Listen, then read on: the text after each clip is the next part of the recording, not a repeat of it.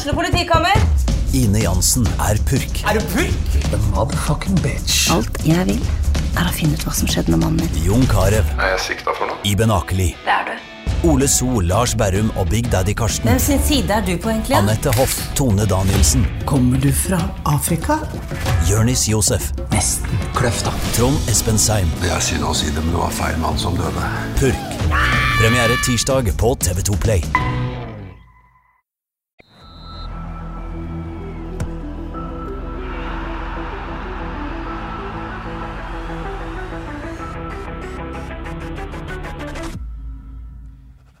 Velkommen til episode 74 av Frelst. Mitt navn er Terje Flateby. Vi er allerede kommet skjevt ut her på denne blåmandagen. Jeg har trykt eh, jingle før opptak. Det skal selvfølgelig være opptak før jingle, Odd Kåre. Gratulerer, velkommen. Tusen takk til Blåmandag, eller? For FKH er det. definitivt for FKH. Ja. Jeg regner med vi kommer grundig tilbake til det som skjedde. Grundig tilbake skal vi. Johannes Dale Husebø, velkommen. Hei Terje. Hvordan har du det som FKH-supporter i dag? Hei Odd Kåre. Hei, Det er var dårlig. Nå var det dårlig. Ja. Sist så forsøkte vi å på en måte, på tross av en dårlig resultat mot Odd, å være litt optimistisk. Eh, eh, Du hadde med ei liste ti grunner til å være optimist fra høstsesongen. Eh, ga til og med episoden navn etter den optimismen, men kan vi bare si med en gang, folkens, at for de som ønsker positivitet på dette tidspunktet, så får de heller skru på en annen podkast, tror jeg. Eller? Jeg har ikke med lista i dag. Nei. Oddkar, har du eh, mye positivt å si? Nei, det er svært lite. Det er svært lite. Jeg Så, eh, ja. syns det er synd på Johannes, og hvis dere har sett denne kampen i reprise. Ja, i dag, så, I dag har jeg faktisk kun sett for første gang 60 minutter. Så Du stoppet etter 60 minutter? Ja, jeg måtte faktisk det. måtte faktisk det. Men, eh, men jeg tror det kan, kan bli verdt å høre på likevel. Så eh, heng med oss, ikke skru av nå. Eh, og så eh, skal vi jo ha en gjett elver mot slutten, og det har jo vist seg ganske underholdende. Så dere hadde jo en strålende omgang sist. Så spørs Jeg husker ikke rekorden. Ble det endte det med ni? Fordi at jeg ikke registrerte Trygve Nygaard. Tror du ga oss ni til slutt? Rett og slett ni rette på 11. Det var, det var bra. Men det var jo en elver som var designa for å gi dere litt selvtillit. Så vi får se hva som skjer i dag. Ehm, men vi begynte selvfølgelig med det som skjedde i Tromsø i går. Uh, Tapte 2-0 mot et lag da som ikke hadde vunnet på hjemmebane så langt i sesongen. FKH Kåre, som har vært litt sånn stempel for være det hjelpeløses hjelper. eh, klarte den biffen igjen. Nå skal det jo sies at dette er Tromsø-lag som har vist stigning etter overgangsvinduet og, og kom til kampen etter en eh, sterk borteseier i Lillestrøm, men ja Hva skal man si? Nei, altså, jeg blir Sånn overordna. Nei, jeg er veldig skuffa og irritert og litt provosert over, over inngangen til kampen. Altså, her eh, skal de opp og møte Norges dårligste hjemmelag, ifølge statistikken, som ikke har vunnet hjemme. Eh, FKH har liksom alt eh, de ligger på, på, Der de ligger på tabellen, tilsier at de har, har alt å vinne. Og så, så gir de dette dårlige hjemmelaget lillefingeren med, med å legge seg bakpå, og de hadde til slutt hele hånda. Og jeg, eh, nei, jeg er veldig forundra over at, eh, at Tromsø plutselig skal se ut som et, et veldig godt eliteserielag. Så jeg eh, er veldig skeptisk og kritisk til den inngangen til kampen. Inngangen skal vi komme tilbake til. Um, energiløst var kanskje et ord mange brukte. Ikke så mye kreativitet, uh, for åpen bakover. Uh, Johannes, hvordan, som også, sånn overordna, hvordan så du på kampen? Hvis en skulle være positiv, Ja. så, så, så må en jo si at uh, Tromsø var imponerende. Altså, det er et båndlag. Uh, vi får knapt låne ballen av de. Eh, Det er sjelden du ser et båndlag i Eliteserien spille på den måten. Ja, De fikk jo lov til det. Ja, de fikk lov til det, og de måtte være kjempegode eh, i første omgang. Andre omgang kontrollerte de jo greit. da. Men eh, det FKH drev på med, var jo altså, det, det mest, noe av det mest hjelpeløse jeg har sett. jo. Det var, det var virkelig dårlig. Men Hvis vi skal ta inngangen som Kåre er inne på, hva, Johannes, du som har sett det på nytt og sånt, hva tror du på en måte planen var? Det er helt umulig å få øye på. Ja. Det syns jeg. Det ser ut som uh, de har satt opp uh, noen spillere på midten der som skal løpe, og så er det litt opp til hver enkelt uh, lenger framme å gjøre sitt beste. Men det blir veldig én og én, syns Mm. jeg. Alle de tre der framme. Så ikke ut som et lag i det hele tatt. Og når Tromsø kom, så kom de ofte med to De fikk ofte en ledig mann helt på siste tredjedel, og det er jo, da er det jo noen som ikke gjør jobben sin, tenker jeg. Ja, det var det som slo meg òg først og fremst. Dette var, dette var én og én. Eh, det var ikke noe kollektivt. Jeg savna jo veldig Sondre Liseth, som har vært en slags lim i dette laget her. Men vi kan ikke sulle alt på alt på det, altså. Ja, skal komme tilbake til Sondre Liseth. Um, jeg var jo på et par treninger i forkant, det er jo ikke alt man kan se nødvendigvis. Men, men, og, men kjente noe igjen i kamp. Når Tromsø på en måte spilte ut fra eget mål, hadde femmeter, da skulle man på en måte og de skulle spille ut, så skulle man stå høyt. Og ganske høyt med Terkelsen, og høyt med både, både Sande og, og Samuelsen og, og kantspillerne, sånn at man skulle på en måte prøve å stå høyt i de situasjonene. Eh, det var egentlig ikke så mange sånne situasjoner. For Det var de første minuttene, vel? ja, og så ble det et par andre, men, men det er klart at eh, det var jo ikke sånn at FK kom til fryktelig mye avslutninger, og derfor oppstod ikke de situasjonene så mange ganger heller. Men, men det var i hvert fall en tydelig plan da. Men, men samtidig så la man seg ganske lavt sånn generelt, gjorde man ikke det? Jo, det var de første minuttene, så sto de veldig høyt, Ja. de høyt. Og så ble de spilt lave, og de kom seg ikke opp. Og de fikk jo ikke en eneste avslutning på mål, øh, holdt på å si utenfor mål heller, i første omgang. Det var vel noe sånn som sju avslutninger, tre på mål fra Tromsø og null, og null fra FKH. Og så var det vel i possession så var vel Tromsø over 60 tror jeg, i, i første omgang der. Men, men tror vi det var planen å gi Tromsø så mye rom? Og, det var sannsynligvis ikke planen så mye, men, men var det planen å måtte gi, eh, gi spillet til Tromsø i stor grad, som, som de gjorde, eller eh, ville man ha possession i denne kampen? Nei, jeg tror det var, det var planen, men de skulle nok stå høyt, som du sa. At, eh, sant, at de tenkte at de kunne ta dem på gjenvinning, for det er det lag som har gjort det før. Det er ganske ungt lag Tromsø har, og det er FKH da. Men det er mange uten eliteserieerfaring i Tromsø, og jeg tror de hadde tenkt at de kunne klare å straffe dem. Men det gjorde de jo ikke i det hele tatt. Ja, og så hørte jeg Jostein Grindhaug i pausen sa at de skulle prøve å stå litt høyere. Eh, og det ble jo en, på en måte en andreomgang, så var det sånn typisk mot et lag som leder 2-0, har kontroll på kampen. FK kom litt mer inn i det, må vi få lov å si. Skapte bitte litt. Eh, jeg vet ikke hva vi husker. Vi husker vel et, eh, et veldeavslutning der. Vi husker vel eh, Badou. Badou der, et langskudd fra Sørlund som havna langt over. Eh, men det f var var jo ikke noe på et tidspunkt vi følte at nå nærmer FK seg noe, nå kommer de inn i kampen, nå er det noe nerve her. Var, var det noen som følte på det der dere satt hjemme i stua? Ja. Nei, ikke i det hele tatt. Nei. Men, men, men jeg lurer jo på når de står i pausen og sier nå skal vi gå litt høyere, altså hvorfor gjør de ikke det fra start? Det er det som forundrer meg så veldig. altså. Altså, fra, altså de, jo, de spiller jo jevnt med Tromsø og minst, minst i andre omgang. Nå har jo det litt med resultat å gjøre, selvfølgelig, men altså Ja, men da, da kan vi på en måte ta det, for dette er det mange, mange lyttere som, eh, som reagerer på. Lars Håvik skriver at eh, spillerne leverte til stryk, det er alle enige om, men hva med de eh, på sidelinja før og under kamp? Lasse Haugen inne på det samme, savner en plan, og strategi. Hvor godt gjorde trenerteamet og spillerne leksa si før kamp? Hva var planen? Rasmus Knutsen inne på dette. Burde man stille noen spørsmål ved Grindhaug og trenerteamet? Reidun Norskog inne på det samme.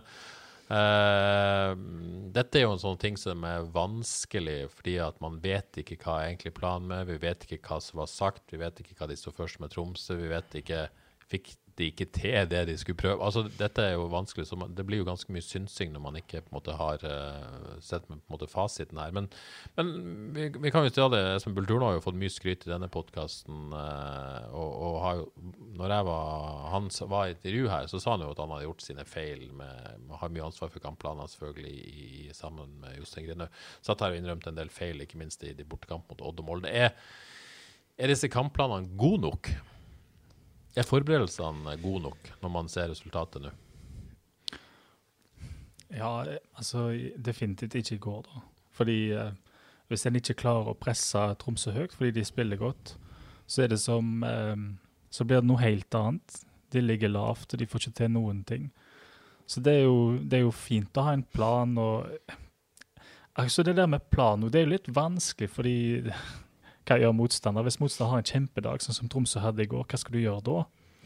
Men da savner jeg jo Hvorfor, hvorfor gjør de ikke noe grep? For de ser jo tidlig at de ikke klarer å presse de så høyt. Så blir de liggende sånn, bare, sånn halvveis og vente litt på de. Du, bare, du venter jo egentlig bare på at 1-0 skal komme der. Ja, for De klarer ikke heller trekke seg tilbake og stenge det igjen, for Nei. det blir jo masse plass i mellomrom. Mikkelsen har jo eh, For en spiller, forresten. Ja, for en spiller, forresten. Tromsø har fått frem der, men likevel så får han mye rom og plass til å gjøre de tingene han gjør. De gjør ikke noe forsøk på å på måte, stenge det skikkelig igjen heller. Nei, og på 2-0-målene han skårer, så er det jo først er jo, For det første er Totland helt ledig på høyre side, det burde jo ikke skje. Og når han slår inn, så kommer jo Mikkelsen på han. Uh, han Espejord kommer sigende, og så har du han Vesterlund på venstre side kommer òg. Alle de tre er helt ledige. Så, der, men Det er kanskje ikke så mye kampplan, da, men det er jo litt løye at uh, de skulle få være helt fri. De burde jo ha klare grep på disse her skumle vingbekkene til Tromsø. da. Jeg vil jo tro de har snakka om det. Ja, det er jo en opplagt uh, viktig del av, spillet til Tromsø. Så, så, er det jo noen som uh, selvfølgelig savner en plan og strategi. Var det en plan, var det en strategi? Jeg kan berolige alle med at definitivt var det en plan, og det var definitivt en strategi. Og det er ingen tvil om at her har man i hvert fall forsøkt å legge en plan. Det tror jeg aldri man skal være i tvil om. Men så er det jo utførelsen av planen. Så er, så er det jo sånn at det er jo så much trenerteamet kan gjøre, og så er det jo de på en måte på banen som skal som skal utføre planen. Og så må man jo i dette bildet legge til at det, det var jo ei vanskelig kanskje treningsuke for FKH. Eh, mange fravær. Tore Pedersen var syk eh, hele uka og rakk vel ikke Eller kanskje på plass på onsdag, men han rakk, vel tydeligvis ikke nok frisk til å bli i kamp. Eh, Egil Selvik var borte et par, eh, par par eh, dager der. Eh, Sondre Liseth ble skada på onsdag. Eh, det var 13 mann på trening på fredag. Eh, ikke ideelle forberedelser, Oddgård, selvfølgelig. Altså, Hvor mye sånn, skal man på en måte legge personell her? Altså, Du har, du har sånne nøkler som skader energi, selvtillit, som selvfølgelig eh, spilte mye inn her, tror jeg. Men, men, men du, du, får ikke ekstra energi og selvtillit av å legge deg bakpå. Det er det som er mitt poeng. Du må ja, den psykologien, for det er jo et eller annet Hvis det er et skjørt hjemmelag, da. Jeg, jeg, er jo alltid opptatt av det. Det virker ikke som trenerne mener det er så enkelt av og til. Men det er et eller annet med å gå i strupen på de og, og, og ta de på hjemmebane fordi at de er skjøre og vi, måtte markere seg fra start. da. Tror du det så det ut som det var egentlig planen, og så klarte man ikke det? Eller? Ja, men vet du hva? Da vil jeg si at um, i mine øyne så er det en litt, kanskje en aldri så liten bom. Den er litt vanskelig fordi de er så dårlige på hjemmebane, men jeg tror Tromsø har hatt noen gode opplevelser i siste. Ja. Og uh, ikke er, føler seg så skjøre nå. Det så ut som de spilte med en litt ny sjøltillit. Sånn at En kunne jo tenke seg sånn at det å stå høyt og presse de høyt for å se hva som skjedde, sant? for å se klarer vi å ruste de litt, sant? det kunne være greit nok, det er fordi de har gjort det så dårlig på hjemmebane Tromsø. Men så må en jo være klar over at det var alltid en viss fare for at de kunne spille seg ut av det. At de kanskje hadde litt mer sjøltillit enn en trodde. Og det, det måtte en jo ha forberedt på, sånn at jeg kunne justere litt. da. Men hvis en ser f.eks. på eh, Kikka jo litt på statistikken som han godeste Helge Børresen leverte. og FKH eh, i luftdueller så er det FKH som vinner den kampen. I generelt duellspill så vinner FKH den kampen. Flest vellykka taklinger i hele Eliteserien hadde eh, FKH i går. Så det er klart at eh, en kan jo si at defensiva eh, kanskje var på plass. Sant? De uh, kjempa bra og vant den kampen. Men uh, det offensive, foruten at de alltid er høye på dribling, og det er vel mye vel der, så er det jo ingenting. Altså, de hadde nest færrest avslutninger uh, på mål i hele Eliteserien. Nest lavest uh, expect goals. De hadde null avslutninger på mål som eneste lag. De hadde 17 innleggsforsøk, hvor 5,9 er vellykka. Med andre ord så er det innleggsforsøk på måfå. Så hvis en skulle eh, Du nevnte Bull. Jeg tror han har vært viktig med det, i hvert fall jobbe med det mellomomspillet. og finne ledige rom og bytte litt posisjoner og på en måte forvirre motstanderne litt mer, da, sånn at de blir litt mer uforutsigbare. Det var jo ikke synlig i det hele tatt uh, i går, iallfall. Så jeg lurer jo litt på liksom, den der maktbalansen da, i trenerteamet, om, om, de vil litt forskjellige ting, og så havner en midt imellom. Ja, altså Det er jo igjen vanskelig på en måte å sette to streker under svaret om et trenerteam. for Det er jo det mange spør om gjorde de jobben sin. Uh, og Det er liksom vanskelig å konkludere der. Men, men, når man så resultatet, så har noen bomma på noe. Det er vel vanskelig å, å, unngå. Det er ikke bare personell her. Nei, de har bomma på inngangen, som vi har vært inne på. Ja. Men hva hvor vil du videre? Nei, nei, det er det jeg sier. Altså, det er vanskelig på en måte å konkludere med ja. hva skulle man på en måte Man kan si at man kunne gjort det og det annerledes, men, men, men vi vet jo liksom ikke fortsatt helt hva de egentlig prøvde på. Nei, det er selvfølgelig vanskelig å sitte der og si hva, hva, de prøvde på, og vite hva planen var. så det gjør det vanskelig. Men, men jeg, jeg, savner jo at eh, altså Hvorfor risikerer de ikke mer? De ligger på, midt, midt på tabellen, har ingenting å tape. så jeg Det er det som er mitt store spørsmål. Hvorfor, hvorfor risikerer de ikke mer? Hvorfor kjører de ikke mer på framover og prøver å utvikle dette laget offensivt? Jeg, jo, jeg kan jo, Hvis jeg skulle kommet eh, Hvis jeg skulle vært eh, Hvis jeg skulle forsvart det litt, så ville jeg jo kanskje også sagt at eh, det er tre spillere som er Altså to er nye, og én spiller i ny posisjon, da. Med Fredriksen på høyre back og Bertelsen som stopper, og Sandin på Ja, hva var han? Ja, men kan, kan, kan vi ikke ta det, da? Person, personell. altså Liseth er hjemme og skada. Tore P er syk, skulle åpenbart spille venstreback i dette nye. Eh, Fredriksen blir bli, eh, tidlig i uka, da. Jeg var på trening både onsdag, torsdag og fredag. Ble bestemt at okay, her skal man gå med en ny forsvarsfirer. Uh, planen var helt åpenbart Bertelsen og Tidemann som midtstoppere, Fredrik Spørrebekk og Tore P på venstreback. Og så blir jo Tore sjuk, da. Eh, når Liseth i tillegg da blir skada, for å spørre om det først, du får den eh, måte, upseten framover i laget, burde man da vente med å prøve noe nytt bake, da? Eller var det greit å bare kjøre på med det? Burde man på en måte beholdt den strukturen bakover? Det er ikke sånn at den har vært så solid fra de tidligere forrige kampene heller. Eh, ja, Ble det for mye endringer på en gang? da? Ja, sånn med fasit eh, Jeg vet ikke hva annet de skulle gjort, og med, i hvert fall med, sånn med Tore Pedersen ute. Men, men for å ta den offensive delen, da Nei, Du hadde jo kanskje ikke noe valg til slutt når Tore var Nei, ute, fordi at nei. eh, Bojang er skada. Ja. Så sånn sett så ble man faktisk låst. Uh, Jeg tror der. det. Ja. Men for å ta den offensive med, med Mats Sandin for Liseth. Skulle han vært tier, altså skulle han inn i Liseth-rolla? Fordi det var ikke godt for meg å se, iallfall. Altså, han var jo ikke en Liseth, men at han skulle spille tier, det var vel rimelig åpenbart. Ja. Uh, tror jeg. Det tror jeg, eh, for det så sånn ut i, i noen minutter. Og så ble han, havna han ganske langt bak. Men han havna jo, de havna jo alle tre i slags ingenmannsland på midten der. De ble jo så kjørt på midten. Så for å, jeg har lyst til å ta en liten ting der det Når en blir så dominert, liksom eh, spilt over midten, hvorfor får du ikke inn en som faktisk har potensial til å være ganske dominerende med ball, som Naustdal? Hvorfor spiller ikke han den kampen? Det, det skjønner ikke jeg noe av. Eh, nå kan en være kritisk til Mats Sande, og det tror jeg jeg har lyst til å være òg, fordi at eh, det er en spiller for meg som ser bra ut, løper godt, fin med ball, men det blir ingenting ut av det. Det blir ingenting ut av det. Og jeg tror ikke han holder eliteserienivå. Jeg er egentlig ganske sikker på det. Og da er du allerede litt eh, på bakbeina der, fordi da, hvis han skal være tier, da på en måte binde litt ting sammen og presse høyt eh, Han klarte ikke å presse høyt, han klarte ikke å levere de gode ballene som en må ha. Med andre så blir en jo lidende litt av det òg, da. Jeg synes det så Det er alltid vanskelig å se på TV, men det så i hvert fall ut for meg på slutten der, om det var siste 10, siste 15, at det ble lagt om til 4-3-3. Eh, når, I hvert fall når Naustdal kom inn, eh, at man da kjørte eh, vel Krygård og Terkelsen muligens da som indreløpere. Eh, Burde vært gjort fra start. ja, altså Burde det vært på en måte i det øyeblikket Liseth var ute, at, at Naustdal kunne ha starta som anker med de to, sånn med fasit i hånd? Ja, Gå tilbake til en sånn 4-3-3 der man var veldig trygg borte på kunstgress i perioder i fjor, så, så har jo ikke det funka like godt i år. da, Så er det sånn vanskelig det der. Men kunne det vært et alternativ her? Ja, nå er det jo nest, for, Jeg vil nesten si at Heller se Naustdal enn Sande, for å si det sånn. Ja, for jeg, jeg syns nesten det er litt synd at, vi, ja, at du liksom kun får snakke fordi du har fasiten i hånd. Ja, Fordi. Det kunne vært veldig fristende å sagt mye om på forhånd. Og, fordi, Ja. og det å, når du først har de spillerne til å gjøre 4-3-3 der, så det å gå tilbake til det å ligge i en trygg trygg 4-3-3 når du ikke har Liseth, som er unik Mm. Han er unik i den tierrollen. Han kan gjøre litt midtbanejobb, han kan gjøre litt spissjobb.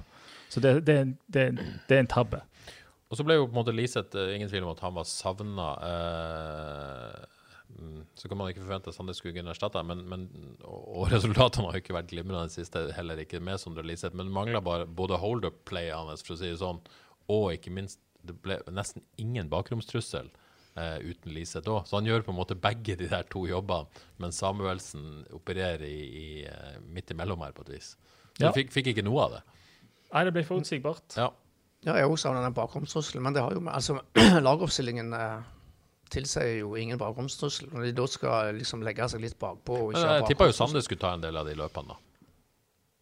Ja, skulle han det? Ja, jeg, jeg vet ikke. Jeg vil Nei. jo tro det. Nei, eh, ja.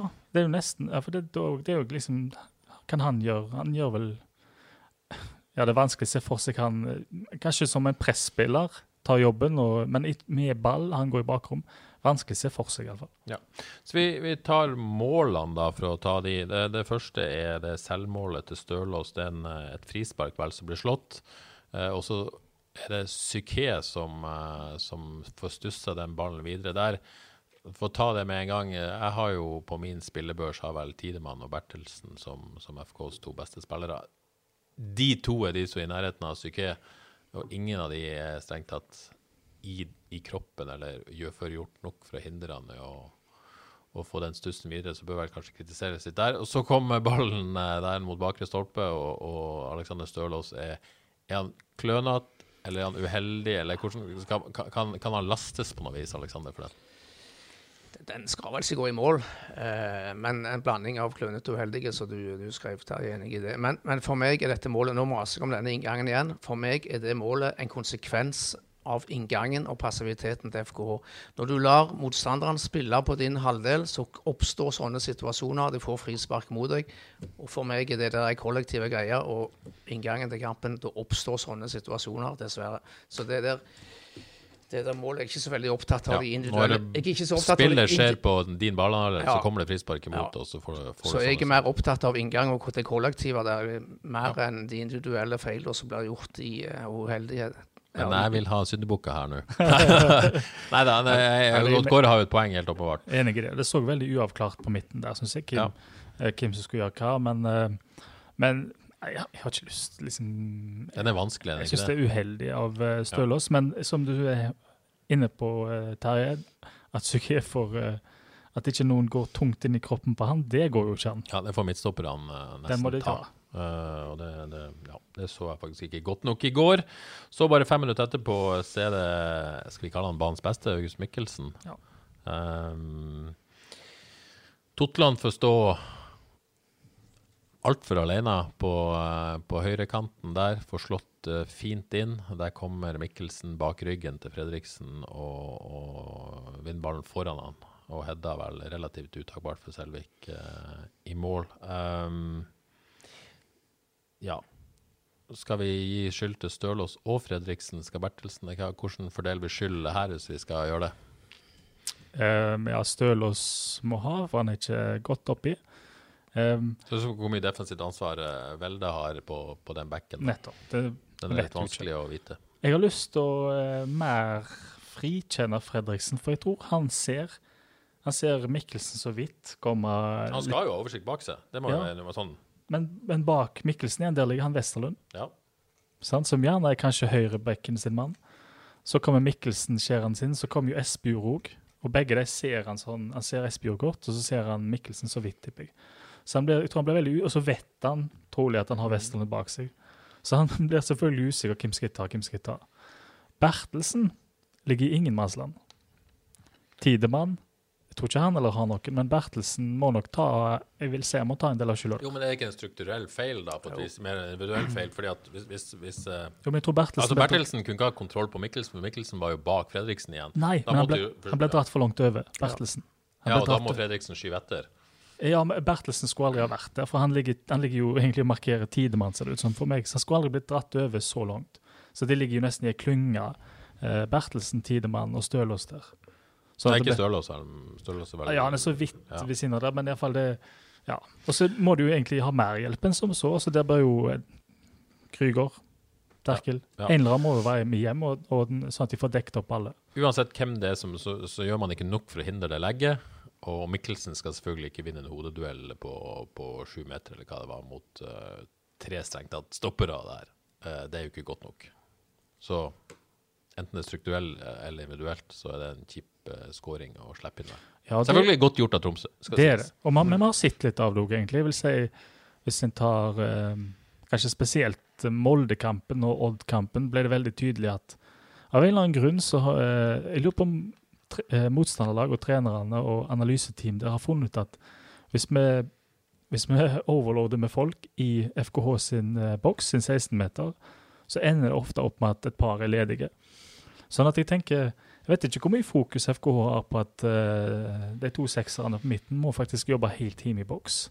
Sant? Hvis ikke så blir det jo en ledig. Så de er litt manko, ser det ut som. Litt Når, manko. Ja, det ser sånn ut. Jeg har vel sett det tidligere, kanskje, at løpet ikke blir fulgt helt inn i boks. Ja, jeg tror det. Mm.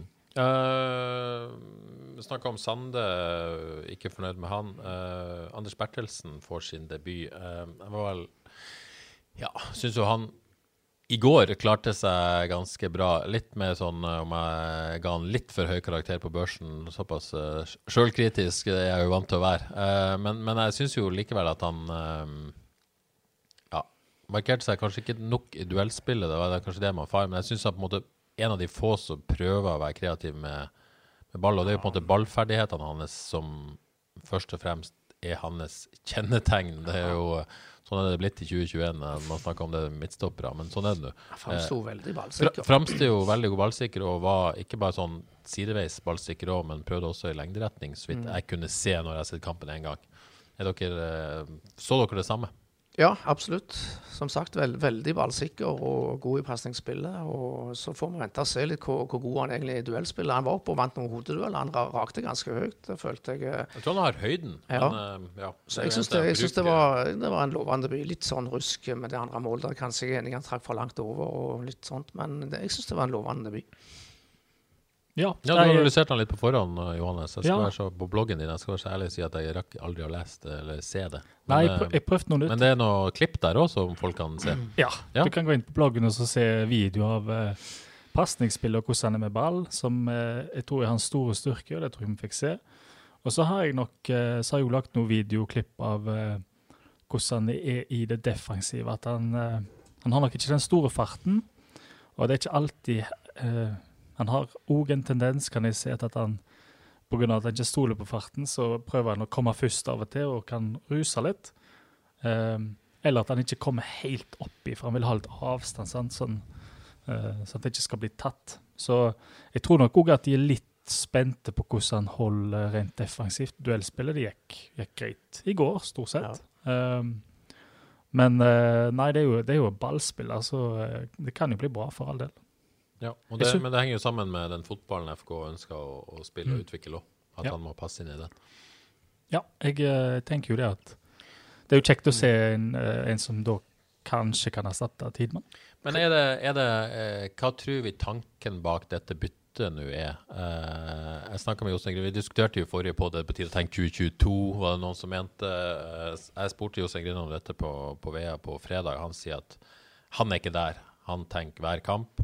Og det er, for, liksom, det er for tidlig å investere i 2022. Det er så mye som kan skje før det. At han nå vil ha det beste laget, um, egentlig, da, for å prøve å vinne hver kamp. Uh, men samtidig så gjør han dette byttet med Anders Bertelsen. og det, Hvis de to på en måte uh, handlingene skal henge sammen, så må det bety at han mener at det er totalt sett uh, bedre å prøve Bertelsen, kjøre Fredriksen på høyreback, Tore Pedersen på venstreback, at man totalt sett kan få en bedre firer enn den man har med, med, med, Fredriksen sentralt og Tore på høyre og Alex på venstre. Det, det, kan jo ikke bety noe annet enn at det tror han akkurat nå.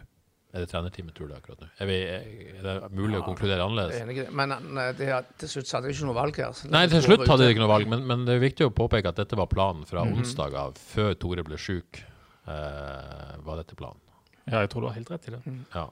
Men jeg tror jo det, med tanke på årets sesong, Sant? At det ikke nødvendigvis med tanke på neste sesong, fordi en må vel kunne si at de tenker at uh, Stølås er vurdert som litt usikkert kort, for å si det litt forsiktig, da.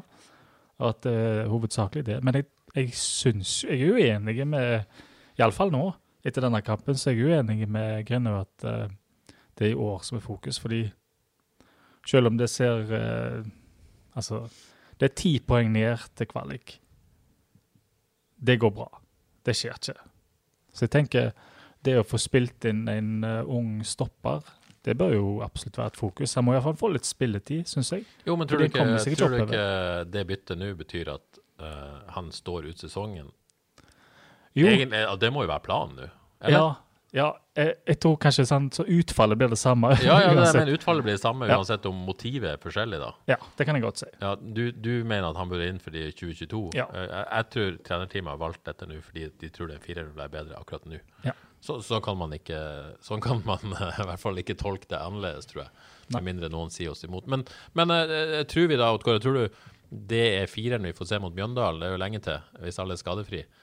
Da er det Bertelsen og Tidemann igjen med, med Tore og, og Ulrik Fredriksen på backene. Eh, Ja, det tror jeg. Ja, det vil være rart på en måte å gå vekk fra den etter én kamp, vel. Må jo på en måte la den stå litt. Men eh, jeg må si Ulrik eh, spilte ikke en veldig god kamp på høyrebekken i går, men jeg er ganske sikker på at det blir fire mot, mot Mjøndalen òg. Ja, hvordan syns du Fredriksen er som back? Hmm. Ja, han, han, jeg syns han ser bitte litt eh, roligere ut med ball. Men han var ikke helt heldig da sist. at det Jeg vet ikke helt om den linken f.eks. med Midtbaden og eh, Og litt i relasjon med Sandberg i går. Sa- ja, sånn. Sandberg. Sant? Så jeg, ja. jeg blir ikke helt klok på han heller. Det er som om han ser roligere ut med ball på høyre bekk, men valg og eh, Ja, det henger ikke helt sammen med hvor rolig han ser ut, holdt jeg på å si. Så Men vi har jo sett før at han, han er i stand til å gjøre en solid jobb, Ab- egentlig, absolutt. som Ja, ja, høyreback, og, og, og har det i seg. jeg har litt tro på han der. Jeg, altså, Ja. jeg syns nesten han ser litt for stressa ut med ball til å være, uh, til å være den stopperen FKH vil han skal ha, men jeg syns han ser ganske rolig ut når han får ballen ut på sida, for det er litt lettere oversikten når du er på sida der. Så uh, det kan bli bra. Jeg er veldig usikker på hvordan han er framover, men uh, ja. Ja. Men får jo se, da. Men uh, fasiten i hvert fall, eh, som Steinar på, påpeker på Twitter, 13 på rad med baklengsmål nå. Uh, hva i all verden tenker vi om det, Odd Kåre? Nei, det, det er jo selvfølgelig altfor dårlig, og det er nesten litt, uh, litt skremmende. Eh, jeg tror de må tilbake til, til basic. Jeg. Altså, de så sånn som de begynte sesongen, hvor det var, det var førstepri. Og jeg er glad i offensiv fotball som alle andre, men de må rett og slett nesten starta på nytt. De, eh, sånn som de gjorde fra begynnelsen av sesongen. Holdt nullen i et par kamper og kjørte videre derfra. Ja, for dette Og- er Ja, unnskyld. Og eh, jeg syns jo de ser bedre defensivt ut i 4-3-3 enn de gjør i denne 4-2-3-1-formasjonen. Så, så kanskje, kanskje må de tilbake der, altså. Men altså, jeg skrev i manus at det er noen vanlig situasjon du hører fra trenerne, når man på en måte slipper inn så mye mål, og det er så eh, såpass tynt som det er nå, både for offensivt. Så det er liksom litt sånn back to basics. eh, Stram inn bakover, hold nullen igjen, og få en defensiv eh, soliditet, og så bygge framover igjen. da. Ville vært sånn klassisk. Er det det Jostein Grinøy kommer til å gjøre nå, tror dere? Eller vil han, han, han, han sier jo tydelig at han vil utvikle han, de vil liksom utvikle spillestilen. og Vi, vi snakka jo, for å være litt sånn uh, djevelens advokat, vi snakka jo om uh, her forrige helg, forrige mandag, unnskyld, så at vi her jo snakka at de måtte kjøre på og ha tro på det de holder på med, og sånn og sånn. Eh, hvis de skal gjøre det, så kan man ikke gå back to basic og stramme inn og sånn. og sånn. Men man må jo på en måte Nei, Kan ikke gjøre begge deler. 13 på rad med baklengs, det sier vel egentlig alt om hva som må gjøres nå. Jeg vet ikke. Nei. ja, for det, for det tradisjonelle vil jo være det, men samtidig så vil de jo på en måte Hvis de skal tenke 2022, fortsette å utvikle spillet, fortsette å tro på det de gjør eh, Det er et eller annet signal til spillerne òg, da. Hva er det man har? Man tror på det man holder på med. Skal man bare legge det vekk og bare satse på defensiv soliditet? Mm. Jeg tror jo iallfall at um, hvis 4-2-3-1, så må Liseth spille. Så må han være tier, for han, eh, han går i bakrom, han kan presse som midtbane, og han kan presse, kan presse høyt. Så hvis en skal spille en formasjon, så tror jeg er ganske avhengig av å ha Liseth på banen, rett og slett. Mm. Hvis 4-2-3-1, så har en tre midtbanespillere, så kler det ganske godt. Um, ja, ja. Krüger på vei inn i det. Kanskje Terkel ser ut til å kle det godt. Jeg tror Naustdal kan kle det veldig fint eh, å være i en duo der, litt lavt på midten. Men um, Nei, det er vanskelig, men jeg uh, Ja. Det skjer Altså, det har jo blitt skåret en del mål òg, da. I 4-2-3-1 med Liseth som kom uh, fykende framover, så sant? Hvis en tenker Ja. at det blir skåra mye mål, og at uh, Forsvaret er nykomponert, og hvis en hvis de får spille med samme firer noen kamper, så kan det jo være at det ordner litt òg. For Det er liksom vanskelig, for dette går enormt i bølgedaler. Var veldig god i sommer, og så hadde man en veldig tung periode, og så vant man vel på Brann stadion. Og så eh, hadde man en veldig god hjemmekamp, sant? Eller bommer jeg nå? Jo. Og så reiser man til Kristiansund og skulle liksom Og har jo egentlig en drita bra prestasjon i Kristiansund. eh, og burde egentlig vunnet den kampen og, og vært helt der oppe. Og så får man en knekk etter det. Men alt dette skjedde jo i 4-2-3 etter den omlegginga. Da var de veldig bra. Og så har man bare lufta gått ut av ballongen, som Niklas Sandberg sier til Haugesunds Avis i går kveld. eh, etter den der Kristiansund. Den setter den i mer at det egentlig handler om, måte, om det mentale. at litt sånn, og, og Jostein Grinaud sa jo det også, at det var lenge igjen. Dette trodde de skulle kjenne på. De hadde unge spillere, de hadde mm, spillere som villen og friske, friske hoder. og sånn. Men, men har den der Kristiansund-kampen kanskje liksom kosta mer, da? At de liksom var så nær å ta det steget, og så klarte man ikke? At man måtte, lufta virkelig har gått ut av ballongen, både mentalt og fysisk? At man, ah, shit, den var tung. Den var så tung, den, det tapet der. Ja. Er det noe der? Ja, klart det er noe der. De, de er bare mennesker. Bare si det At sånn. dette ikke handler om 4-3-3 eller 4-2-3-1, eller hva det altså Det handler om at, at de rett og slett bare fikk en smell der. Om du, om du napper ut uh, mikrofonen eller skrur av lyden hvis jeg nevner Desler igjen. Nesten. For jeg fikk så lyst, så jeg tok en rask kikk igjen. Jeg ta, kan jeg si det lynraskt? Sju sekunder. 20 sekunder, ok. Etter Desler så er det spilt eh, ti kamper. Det ble tatt 9 av 30 poeng. Det er blitt sluppet inn 23 mål. Uh, Det er kun Mjøndalen som har tatt færre poeng siste ti. Ingen har sluppet inn flere siste ti. Ingen har tatt færre poeng borte i hele år. Eh, og kun Stabæk har sluppet inn flere borte i hele år. Og her er jo en del bortekamper som er tunge, da, post Desler. Så det er klart at når du selger, selger den beste spilleren, og du selger Vaji, som både definerer en del av spillestilen og er toppskårer, og i tillegg i går mister en som faktisk har knekt eh, formasjonskoden eh, i Liseth. Spillere betyr jo enormt mye, Ja. sant? så det, det er noe der, tror jeg. Ja, jeg er enig, Johannes. Du har noen gode poenger der.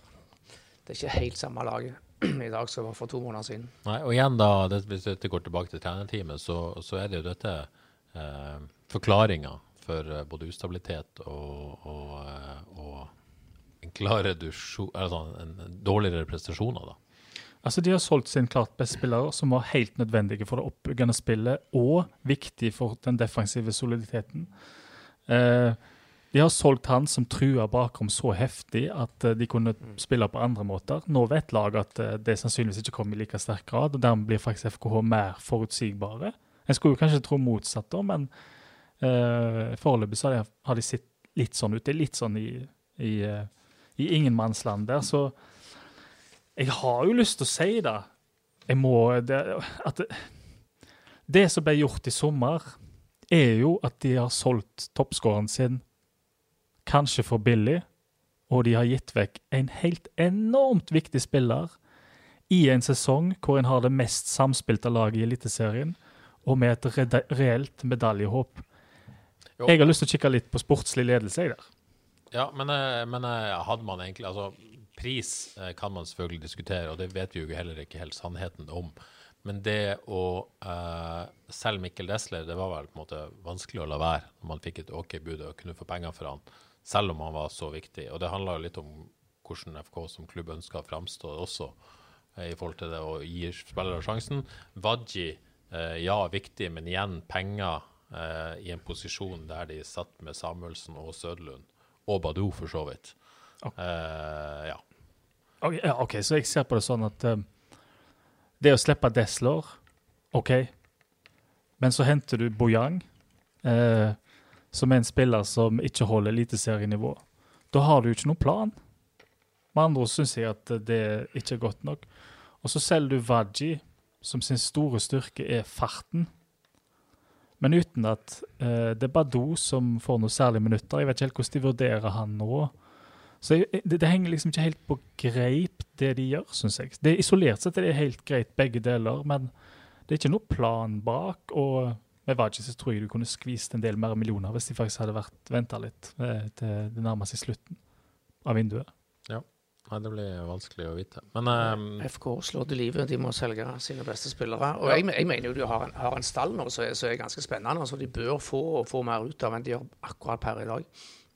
Ja, nei, det, det, det Jeg syns det er vanskelig å kritisere FK for å ha solgt Desler og Wadji i sommer. Eh, som klubb med den økonomiske situasjonen de er i, den klubben de ønsker å være i, den spillerne. Det er klart Desler ville være umulig å erstatte uansett. Så kan man si at eh, per i dag så ser det ut som de har truffet med Bojang, da.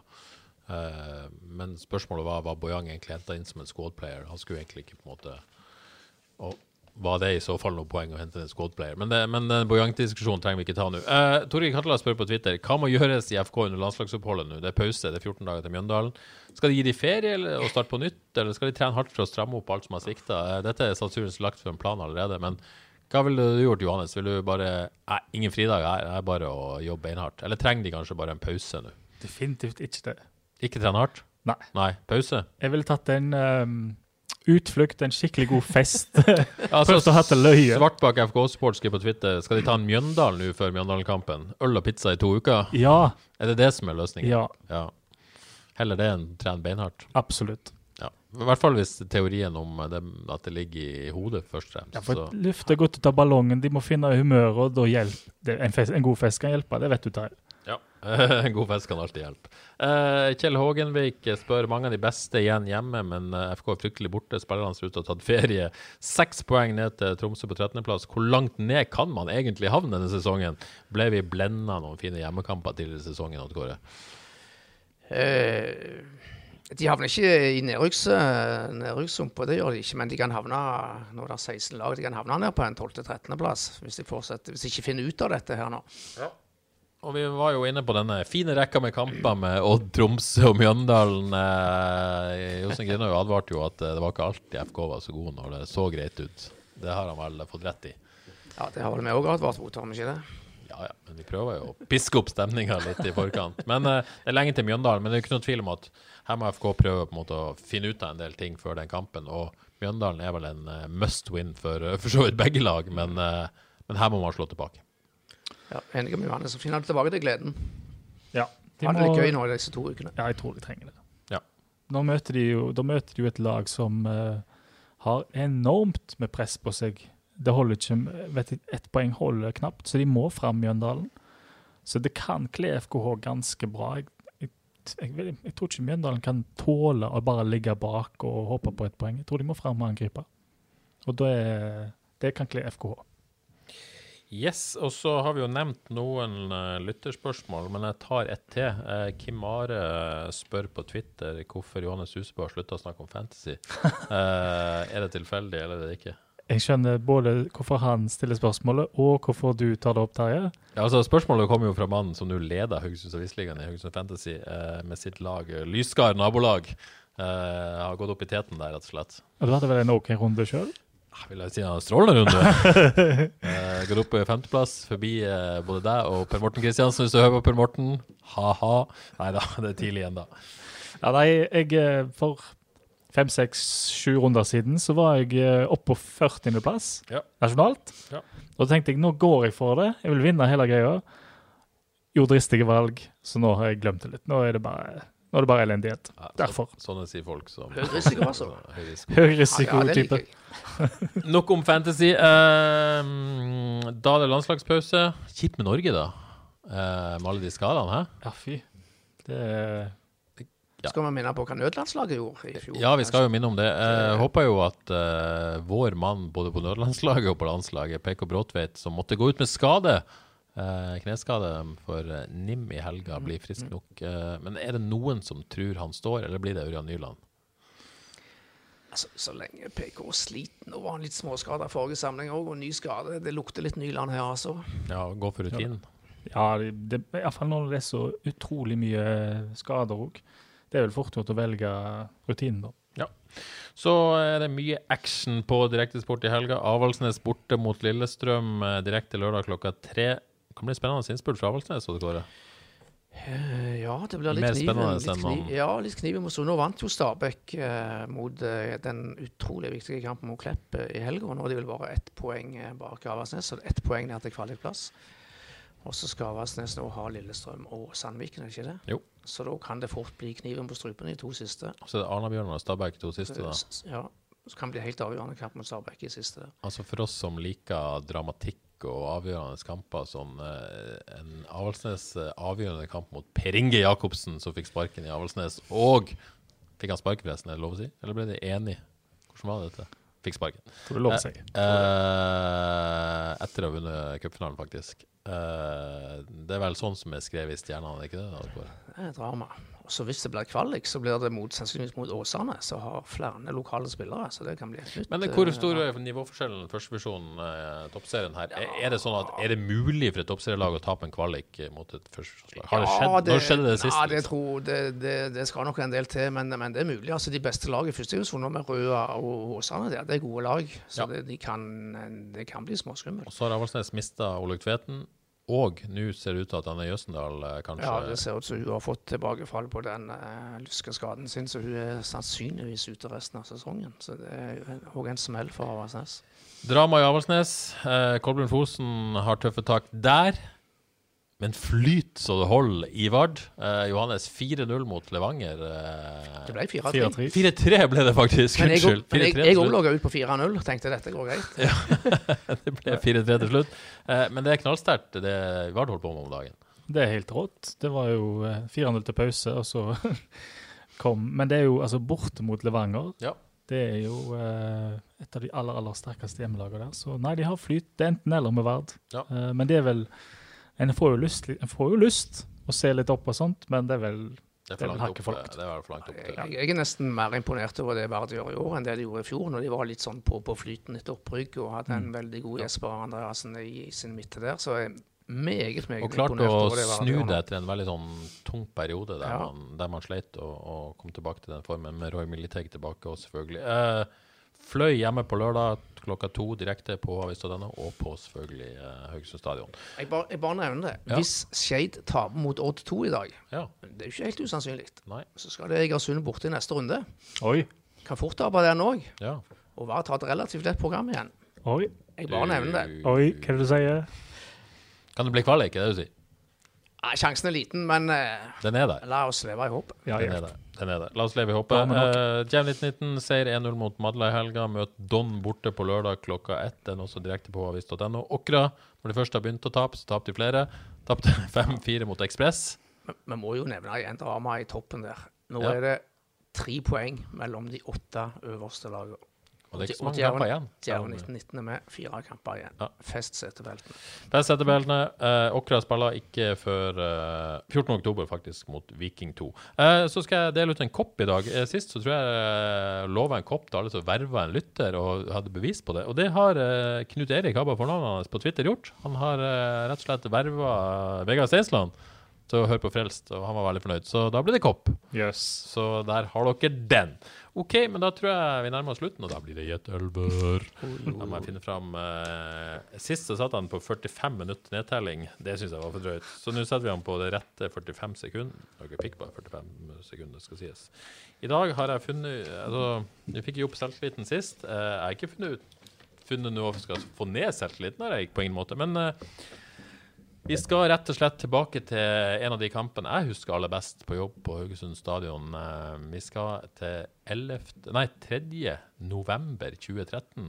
Eh, kvelden der FK sikra seg sin beste prestasjon i Eliteserien eh, vel noen gang, med bronse i 2013.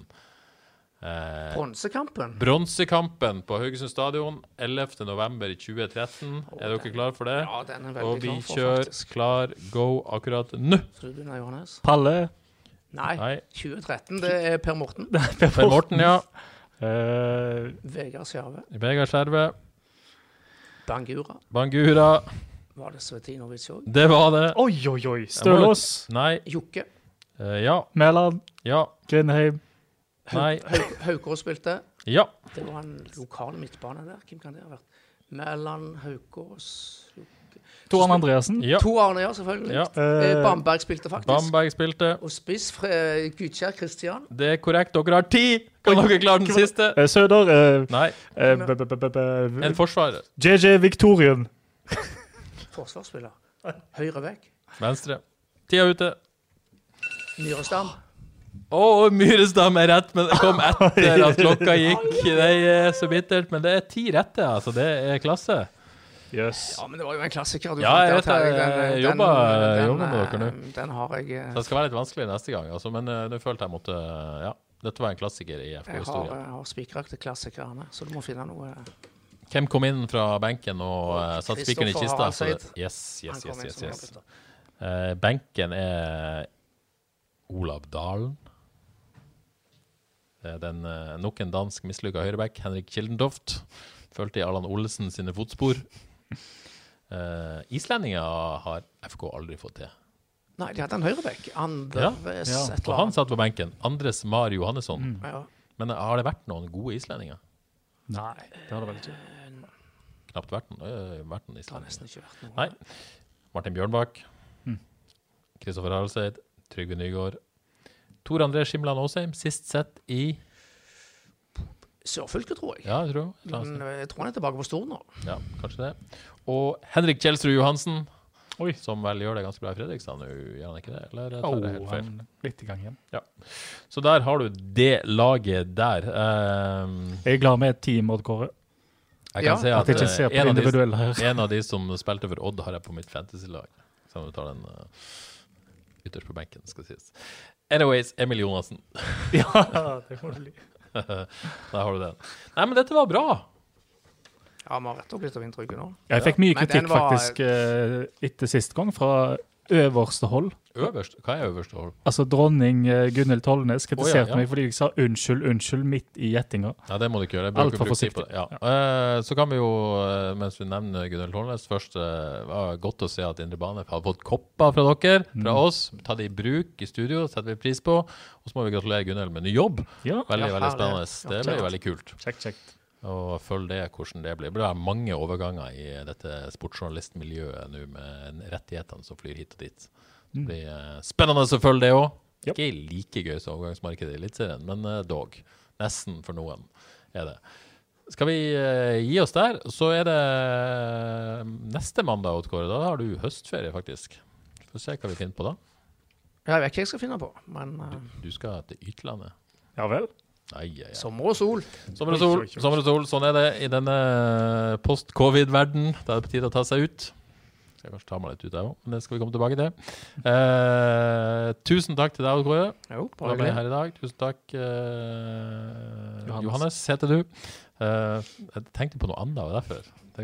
Finn på et eller annet om optimismen sist, eller et eller annet sånt. Men eh, jeg kom ikke på noe. Ti grunner til å være pessimist. Skal vi ta det neste gang? det vi skal bruke podkasten til om ei uke Kan ta minst ti. ta minst tid. Nei da. Det er jo noe der. Det er vi enige. Det var det vi hadde. Tusen takk for at du har hørt på. Tusen takk til våre gjester. Anbefaler gjerne Frels til en venn. Husk å følge oss på sosiale medier, så er vi tilbake om ei uke. Ha det bra.